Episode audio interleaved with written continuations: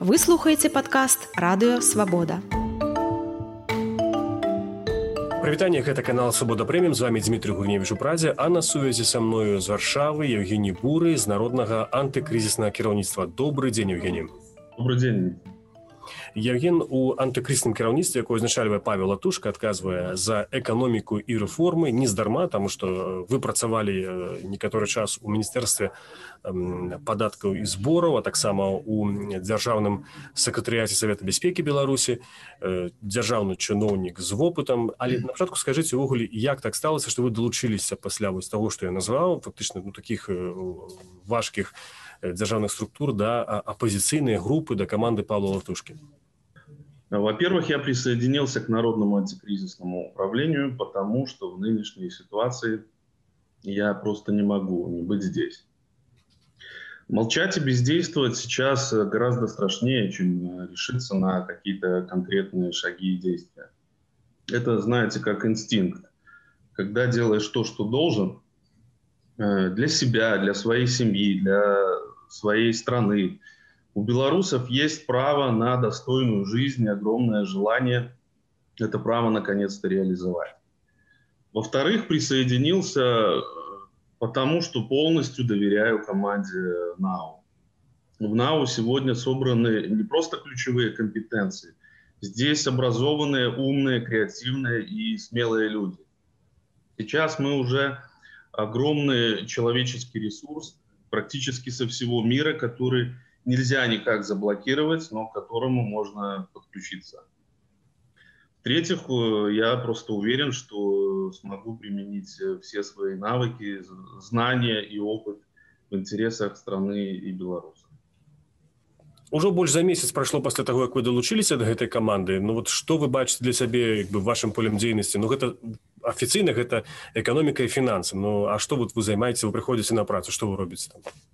Э, ну, на первом этапе моей ключевой задачей э, являлась разработка плана по экономике и финансам. Э, его цель в первую очередь приблизить переходный период и снизить ущерб от действий нынешней нелегитимной власти. И для этого мы принимаем меры, чтобы перекрыть все возможные каналы финансирования режима. Мы выявляем коррупционные схемы, кошельки режима, мы принимаем действия для ареста активов и возврата их в страну. Принимаем меры по недопущению наращивания новых долгов. Призываем кредиторов пересматривать э, старые долги и, возможно, требовать их досрочного погашения. Э, во вторую очередь, э, моя задача сейчас уже реализовать приоритетные задачи, которые указаны в плане – по восстановлению и быстрому развитию экономики, которая уже долгие годы находится в глубоком кризисе и, по сути, в заложниках у политической системы страны. Нами уже сейчас э, сформированы, полностью сформированы рабочие группы по каждому из направлений плана, где идет выработка конкретных шагов. Идет активная работа практически в круглосуточном режиме. И это не преувеличение, учитывая часовые пояса всех участников процесса. Но чуть позже мы расскажем подробно, детально про все наши процессы, которые происходят uh-huh. на. Вот. Но в основе наших реформ, безусловно, стоят э, интересы людей. И в отличие от нынешнего режима, который все это время обесценивал труд белорусов, методично приучал их не к экономии, к бедности называя почему-то это стабильность. И существование людей на грани выживания – это ведь ненормально. И все эти годы режим навязывал мнение, э, что без него люди будут никому не нужны. Э, на самом деле это не так. Человеческий потенциал стоит как раз-таки в основе всех наших реформ. Э, нами будут приниматься меры, чтобы максимально вовлечь и будут поддержаны все, кто будет нуждаться в такой поддержке. То есть мы хотим успокоить людей, что их интересы всегда будут для нас в приоритете, всегда будут на первом месте. Угу. Вот, и каждый день на сегодняшний э, каждый день к нам подключаются э, много людей. Это новые, яркие, смелые, очень прогрессивные люди практически со всего мира Вы уже здаецца больш за год таму сышлі з дзяржаўнай службы тым не менш напэўна вас захавались там нейкія сувязі расскажыце что вот з э, таго што вам вядома адбываецца зараз у асяроддзе дзяржаўных служащих чыноўнікаў да это очень актуальный вопрос э, на сегодняшний день у меня остался достаточно большой круг общения среди действующих чиновников с которыми мы обсуждаем в том числе и происходящее в стране ну вот поверьте, они тоже хотят перемен и тоже хотят э, ухода Лукашенко. Но многие из них продолжают работать на своих рабочих местах, поскольку их деятельность сейчас, она, в общем-то, необходима для выполнения элементарных там, функций государства. Э, но после событий августа в ходе общения там, с моими бывшими коллегами были такие разговоры, что ну, мы же не фальсифицировали выборы, поэтому мы как подчинялись, так и будем подчиняться и системе, и сами менять ничего не хотим, нам так удобно. Или, допустим, от работника прокуратуры я слышу, что он, он лично в каких-то делах не участвовал, значит, не запятнан, а то, что вижу и бездействую, ну, это как бы не считается. Вот. Поэтому моя оценка скажем так, я убежден, что большинство на стороне э, новой Беларуси и за перемены. Многие действующие э, коллеги, работающие в министерствах и ведомствах, сейчас работают на благо. И я это знаю. А мое обращение, которое было к чиновникам экономического блока, было вызвано как раз-таки тем, чтобы постараться открыть им глаза на происходящее показать, что позиция, в которой они э, якобы ни при чем, она неверная. Что не обязательно, собственно, ручно избивать, там, задерживать мирных граждан, э, чтобы не быть виновными в том беспределе, который сейчас творится. Э, ведь что такое быть виновными в существующих экономических условиях? Это повышать налоги, да? причем на лекарства и детские товары. Э, чиновники, ставившие подпись под э, такими актами, должны полностью осознавать, что последствия, в общем-то, последствия своих действий. Ведь смотрите, что получается, например. С одной стороны, у нас и так самые дорогие лекарства среди соседних стран, э, а государство планирует еще убрать налоговые льготы на них. Ведь это повлечет не только рост цен, но и дефицит многих лекарств. И все это при закрытых границах, когда, э, ну как это еще назвать, как не геноцид? Э, за это однозначно придется отвечать.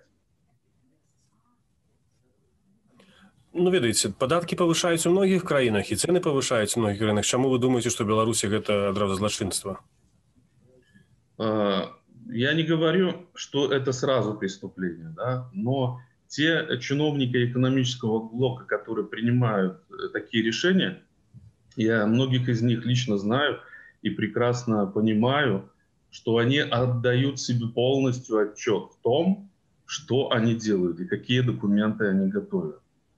Они прекрасно понимают, какие наступят последствия. Последствия от повышения налогов э, сегодняшних реалиях повлекут э, обратный эффект. Это однозначно. Ну але як краіна павінна на вашу думку функцыянаваць в умовах пандеміі грошы браць некуль патрэбна э, Послушайте, ну вот мы сейчас как раз э, делаем расчет, да, у нас на сегодняшний день закрыты э, статистика, статистические данные о количестве госслужащих. Ну, условно, если заявляется о том, что 600 миллионов пойдет на цели, связанные с пандемией, да, и это упразднение льгот на лекарства – то почему не посмотреть на это по-другому? Почему не снизить условно на 50 или 100 рублей за, за зарплаты госслужащих и возместить эти средства как раз такими мерами? Или сократить расходы на силовой аппарат? А почему бы и нет? А, но решают, скажем, свои просчеты экономические переложить на простых белорусов, переложить на бизнес, уничтожить статус IT-страны. IT но и это, это ведь люди прекрасно понимают вот о чем. То есть и э, вот именно чиновники, разрабатывающие проекты таких нормативных актов, они готовят э, финансово-экономическое обоснование. И там в разделе да, должны стоять цифры не только по дебету, но и кредиту. То есть просчитаны негативные э, последствия от принятия этих мер. Но я, насколько понимаю, никто негативные последствия не оценил. Да? И ставя подпись под такими документами, люди должны понимать, что, по сути, они совершают должностное преступление. И мы такие факты будем фиксировать, будем инициировать внесение таких лиц в санкционные списки. Поэтому ну, они не могут просто этого не понимать, но по какой-то причине э, пока идут на поводу нужд э, режима. Евгений, а расскажите докладнее нам, вот, э, чему вы Совет Беспеки? Это такая, ну, одна из ключевых все-таки державных организаций. Ну, в госсекретариате Совбеза я проработал более пяти лет. Ну, вообще его деятельность регулируется документами, имеющими гриф ограниченного пользования так же, как и штатная структура, так же, как и численность. Поэтому могу сказать лишь то, что я работал в качестве советника-консультанта по вопросам экономической безопасности. Кроме этого, я был членом и секретарем Межведомственной комиссии по безопасности в экономической сфере при Совете безопасности, которую в свое, в свое время возглавлял уважаемый Руды Кирилл Валентинович, впоследствии Снапков Николай Геннадьевич к вопросу, почему я представляю, да, как мышление топовых чиновников. Вот. Э, основные мои обязанности – это было выявление, э, анализ рисков и угроз в сфере экономики и подготовка предложений по их устранению, предотвращению. Э, ну вот только, скажем так, основная проблема была как раз-таки в том, что эти анализы и угрозы что эти риски и угрозы исходили как раз-таки от самой власти. И при существующем политическом устройстве они просто не могли быть решены. И этим, в общем-то, и было вызвано, вызвано мое решение покинуть госслужбу. Угу. Кстати, там мной проводились э, различные аналитические исследования по экономическим направлениям, экспорт э, товаров в Россию, влияние экологии на, экономике государ... на экономику государства, анализ инвестиционного климата. Вот. Но э, по понятным причинам э, все эти аналитические исследования носили закрытый характер, их нет в свободном доступе. Но э, эти все предложения оказались, ну, практически все предложения оказались невостребованы режимом. Ну, понятно, по, по каким мотивам я уже сказал. Угу. А вот скажите, ласка, я заўважыў у прапагандысцкіх каналах некаторых там эм, крытыкавалі вашу асобу натуральна аўтары ананімныя мне ведам кто-то піша э, что вы чалавек который не маеце адпаведнай адукацыі да этого ўсяго образование образование ну э, первое мое образование экономическое было получено в минском государственном торговом колледже по специальности бухгалтерский учет, анализ и аудит. Угу. Затем я закончил Белорусский государственный экономический университет по специальности финансы и кредит. Затем я закончил с отличием э, Академию управления при президенте по специальности государственное управление и право, и мной была получена квалификация юриста. Поэтому То есть, людям, наверное...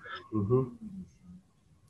Так, а вот... Ну, э, помимо этого, помимо этого я получал разные скажем так, дополнительное образование. Их довольно много у меня было, многие там связаны с, финансовой разведкой.